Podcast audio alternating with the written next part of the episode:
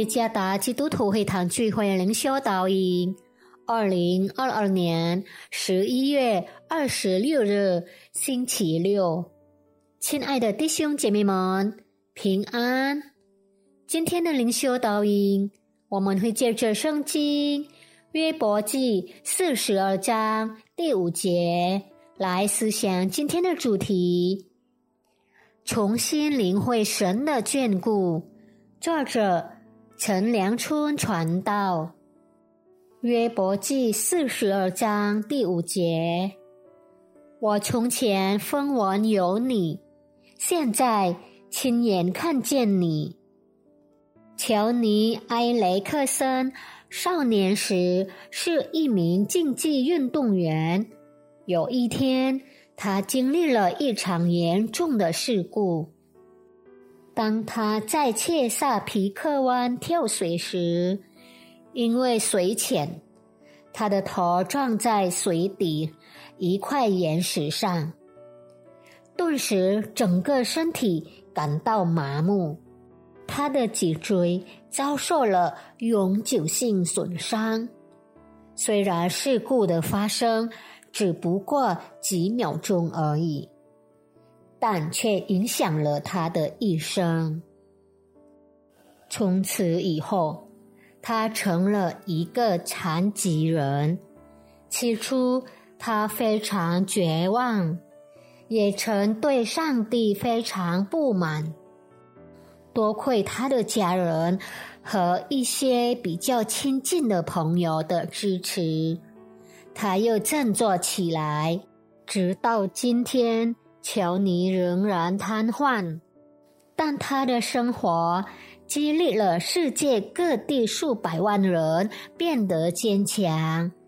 他在许多国家的研讨会上发表演讲，他用嘴画了数百幅画，他写了三十多本畅销书，并成立了。乔尼和朋友的一个为肢体残疾人服务的国际组织。相似的事件也发生在约伯身上。约伯从原本富有的生活，后来却失去了一切财富、孩子，甚至他的健康。可以说。约伯从高处坠落到一个黑暗狭窄的深谷里，这是非常剧烈的痛苦。然而，正因如此，约伯经历了他生命中最真实的事情，即亲身认识神。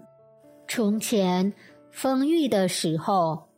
他只分我有神，但是现在，约伯说：“我亲眼看见你。”也许你如今正在经历生活的苦读和苦难，无论出于什么原因，不要气馁绝望，因为主耶稣基督是我们的救主。和中宝。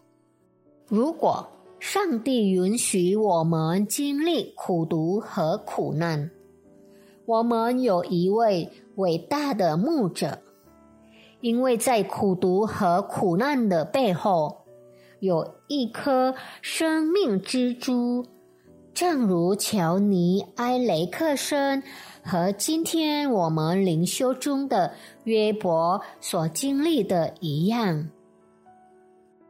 关键是，不要放弃，也不要对基督失去希望。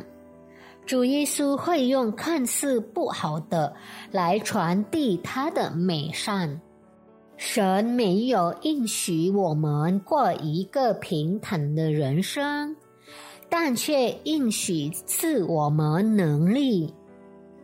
愿上帝赐福大家。